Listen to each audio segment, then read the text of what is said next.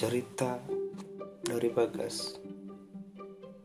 Oke, di sini gue akan bawain sebuah cerita tentang dua orang anak remaja yang sedang liburan di Korea. Dua anak tersebut bernama Musa dan Fanny. Dari dua orang tersebut tercetuslah sebuah percakapan. Dari Musa, Van, Bobo masih di Korea, kita bikin konten yuk buat channel kita. Dan Fanny pun menjawab, konten apa sih?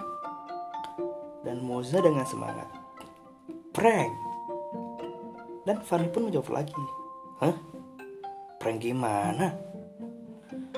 Moza pun membalasnya, aku ada ide nih. Gini, kamu tetap di sini, oke? Pegang kamera dan sorot aku, biar aku yang ngeprank orang-orang di sana. Dan Fanny pun menjawabnya, hmm, oke, terserah kamu lah. Dengan semangat, Moza berjalan mendekati beberapa lelaki yang sedang duduk-duduk santai di sebuah taman dan melancarkan aksi pranknya. Acu! Dan terdengar suara Dor! Dor! Tanpa jeda, dua tembakan langsung melubangi dahi Moza. Fanny pun terkejut. Tangannya gemetaran, tapi masih memegang kamera.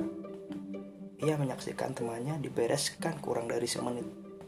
Ia mundur beberapa langkah, namun terhenti. Karena sebuah suara mengancam terdengar di telinganya. Ini Korea Utara, nak. Kau tak bisa melakukan dua hal itu. Berpura terkena COVID dan memiliki bukti yang menyusahkan pemerintah di sini.